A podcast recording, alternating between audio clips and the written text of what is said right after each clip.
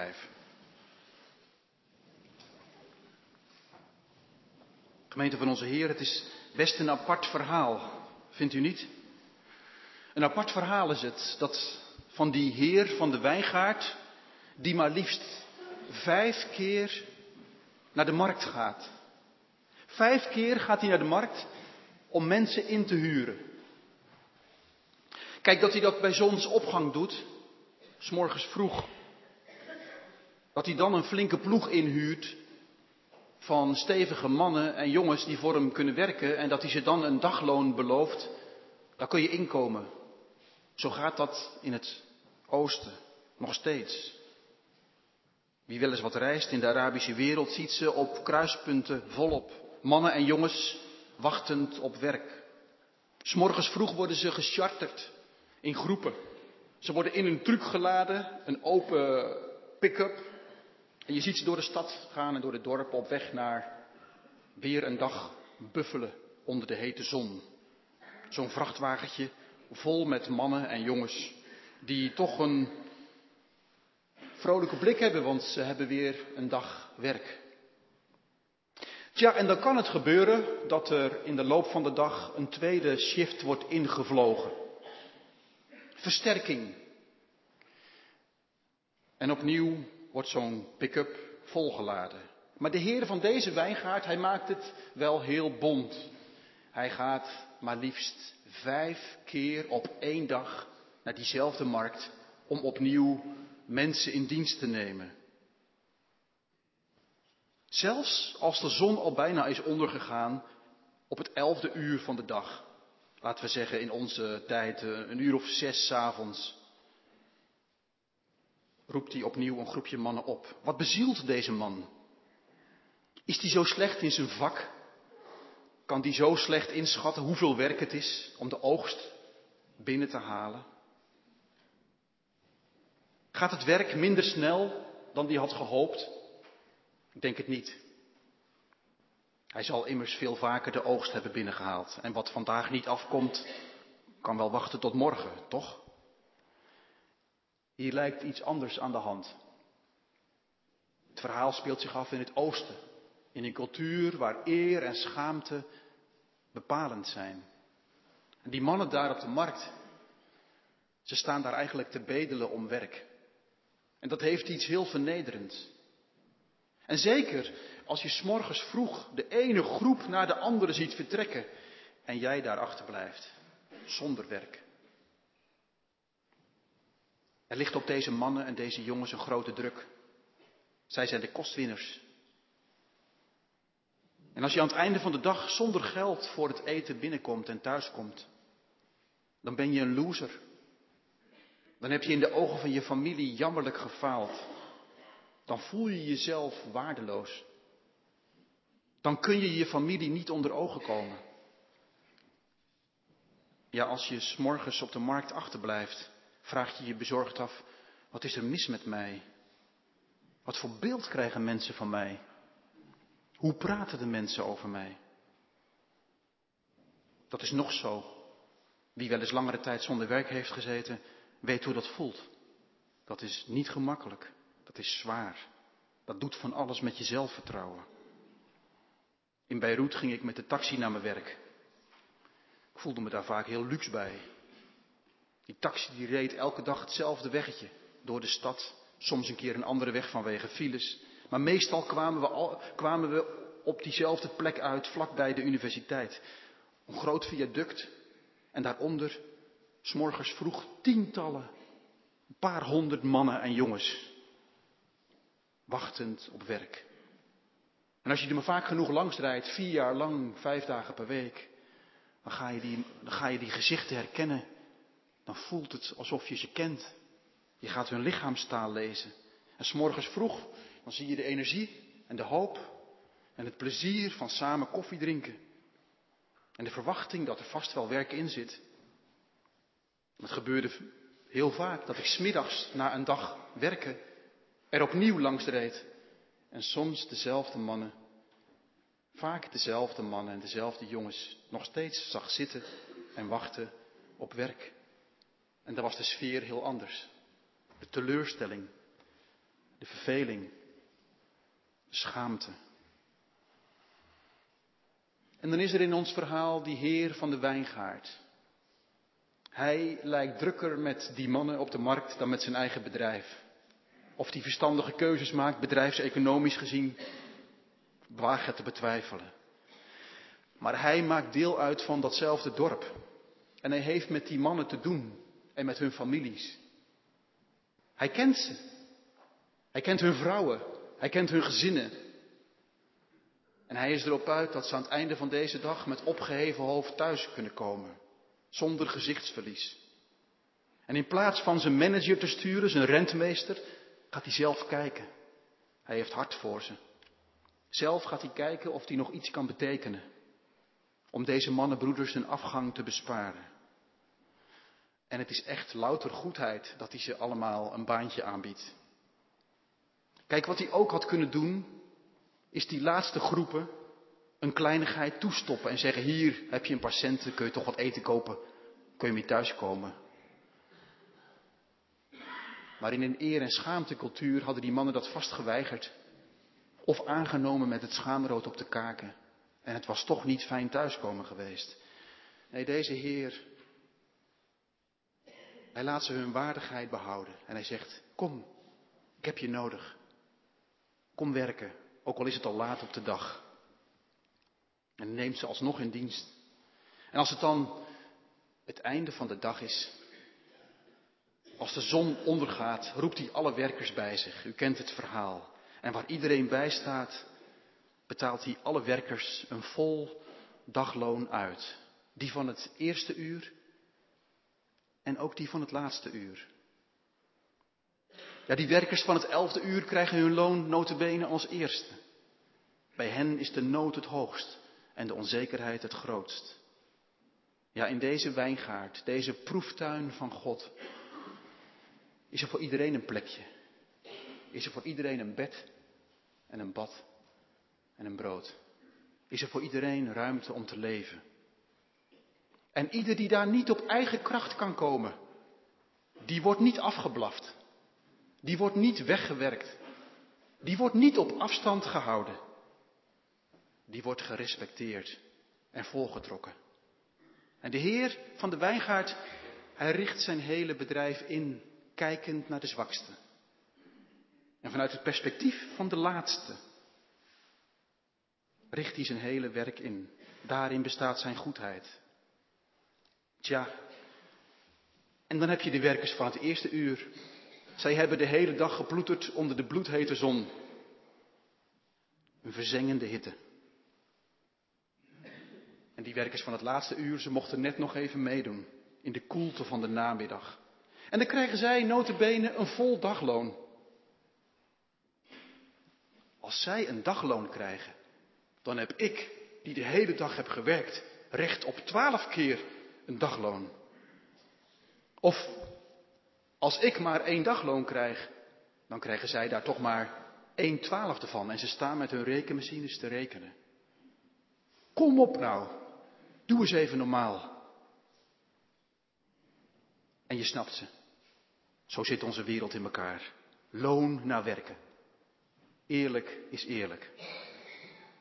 Maar vanuit het Oosters perspectief is dit gemopper toch wel zeer bedenkelijk. Want ook deze werkers van het eerste uur leven in hetzelfde dorp. En ook zij kennen die mannen die daar de hele dag weliswaar niet gewerkt hebben, maar de hele dag te kijk hebben gestaan voor het hele dorp, wachtend op werk. Met een steen in hun maag en met het schaamrood op de kaken. Wie wil mij hebben? Wat is er mis met mij? Het was voor hen ook een zware dag. De hele dag pijn in je buik, omdat je weet, vanavond kom ik misschien zonder geld thuis. Zouden ze dan nu niet blij zijn dat er in alle huizen van het dorp vanavond gelachen kan worden en gegeten en gedronken? Ook in de huizen van de werkers van het laatste uur?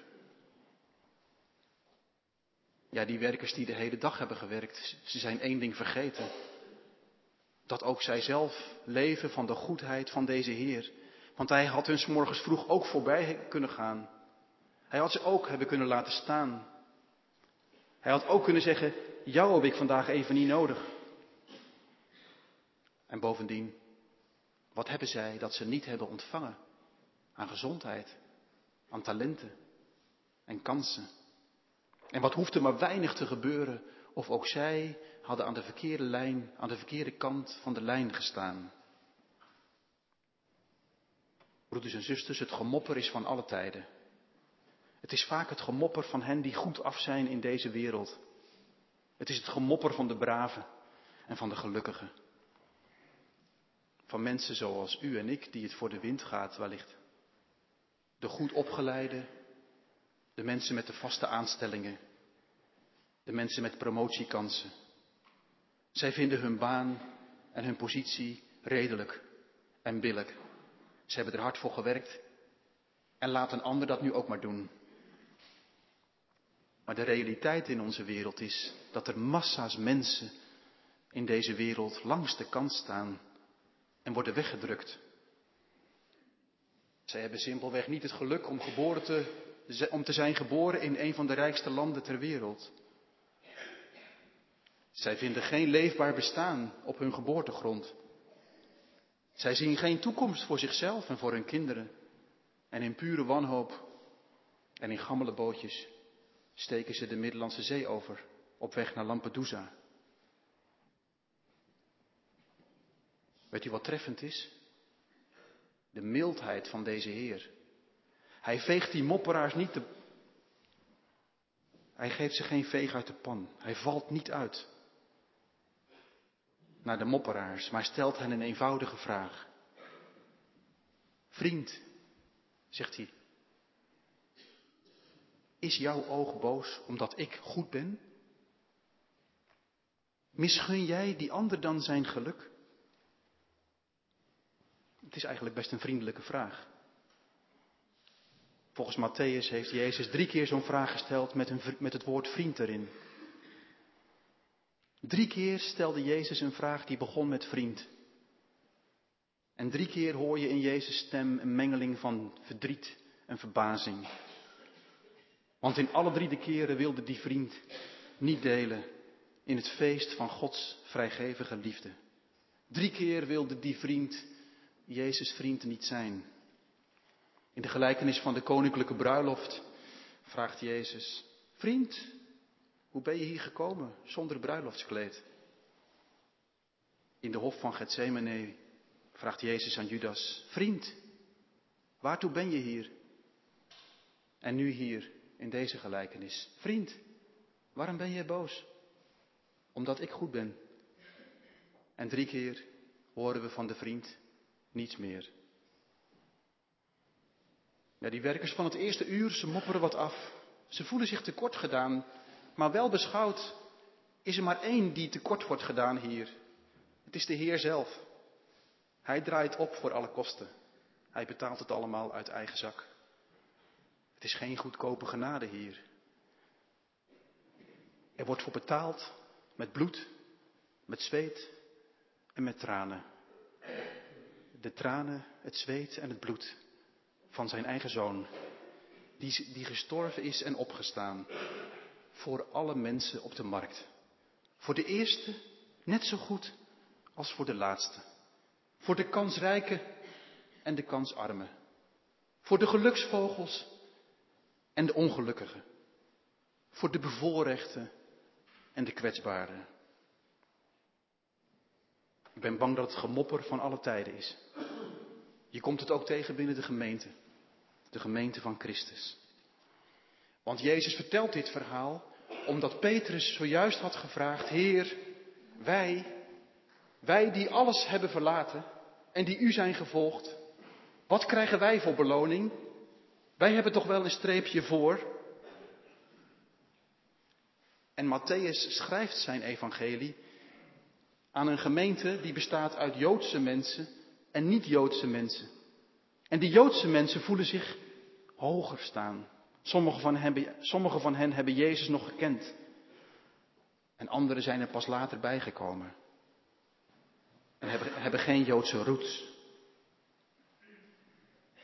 Ik weet niet hoe u er tegenaan kijkt. Maar dat vergelijken en dat werken met de meetlat. Je komt er toch altijd weer tegen om je heen. Ook hier in Lunteren. Ook bij jezelf. Ik ook bij mijzelf. Bijvoorbeeld wie in de Maranatha-kerk is geboren en getogen en alles heeft meegemaakt.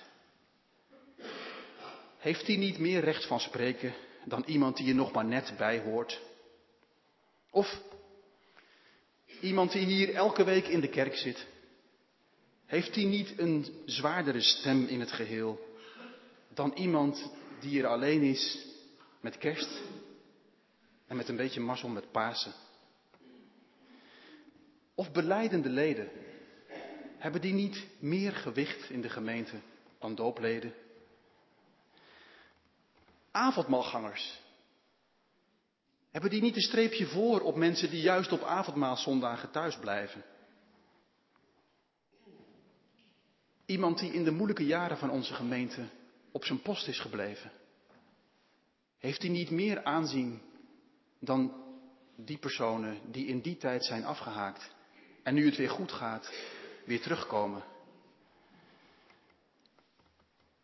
Of de mensen die in die moeilijke tijd een rol hebben gespeeld in de spanningen. Zijn die niet, moet je die niet een beetje links laten liggen ten gunste van de mensen die daar toen zich afzijdig hebben gehouden? Of, u kunt het zo gek niet bedenken, mensen die, op wie niks is aan te merken, bij wie alles netjes gaat en volgens de regels, hebben die niet een streepje voor op mensen die wel eens een scheve schaats rijden? Of op wie wel eens wat is aan te merken?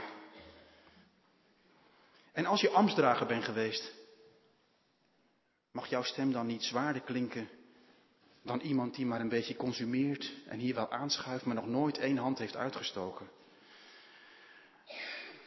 Nou ja, u kunt het aanvullen met uw eigen voorbeelden bij de koffie straks. Het zit in uw en in mijn denken. Laten we eerlijk zijn. En wat Jezus doet, hij keert het steeds vrolijk om. En hij kijkt ons in de ogen met een dikke knipoog en zegt, in mijn wereld gaat het anders. Het is een wereld van genade. Wie achteraan staat, haal ik naar voren. En wie wordt weggedrukt, die staat opeens midden in de kring. En het gemopper daarover zal wel altijd blijven. Want, zeggen we dan, als het zo toegaat, is dan niet het hek van de dam? Is dat niet de wereld op zijn kop? Waar moet het dan heen? Waar blijf je dan? Wel gemeente, waar we dan blijven? Dan gaan we mee op weg naar Gods nieuwe wereld. De wonderlijke wereld van Gods genade waarin het gaat zoals God het wil. En van die andere wereld en van die mentaliteit mogen wij op onze beste momenten iets laten zien. En zo weerspiegel jij en ik de goedheid van de Heer. Amen.